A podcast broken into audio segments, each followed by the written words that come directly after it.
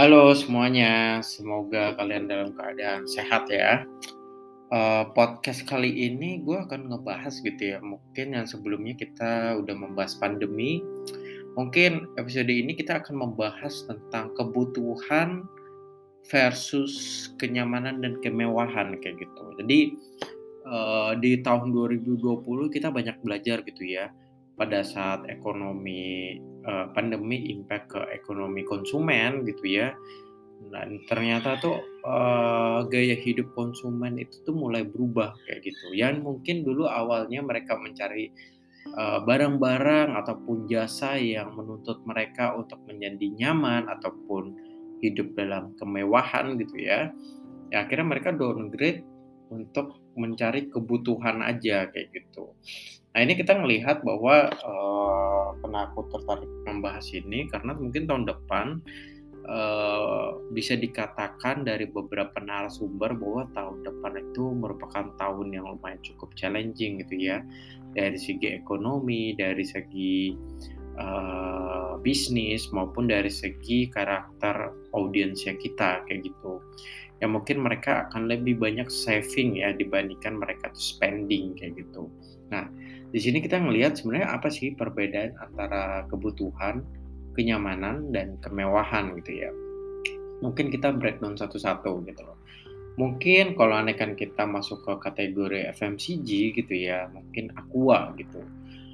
Uh, ataupun air mineral gitu ya. Nah, mungkin orang nyari kebutuhan itu adalah pelepas dahaga gitu kan. Jadi mungkin mereka akan mencari beberapa produk yang mungkin uh, produknya itu tuh low price tetapi mereka tuh fokusnya adalah untuk penghilang uh, penghilang dahaga tersebut gitu.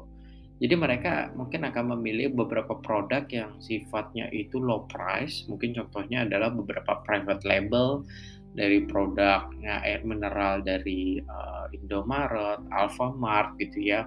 Yang mungkin harganya lebih jauh di bawah berapa uh, rupiah dibandingkan dengan Aqua, Nestle maupun dengan Ades misalnya seperti itu. Karena mereka merasa kayak ini lumayan nih saving sedikit gitu ya.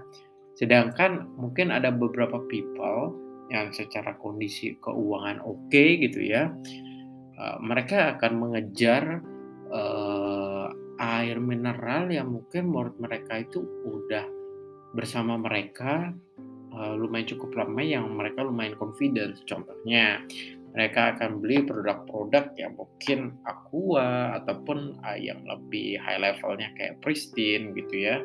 Yang menurut mereka itu secara packaging, secara brandnya itu lumayan cukup udah well known, cukup dipercaya kayak gitu. Mungkin ada some people yang mereka akan mengejar yang namanya kemewahan gitu ya jadi apa pun terjadi uh, kondisi pandemi, ya mereka tetap ataupun impact ke ekonomi ya mereka tetap akan fokus ke kemewahan karena mungkin itu udah jadi bagian dari uh, gaya hidupnya mereka yang akan mereka susah untuk mereka downgrade gitu ya.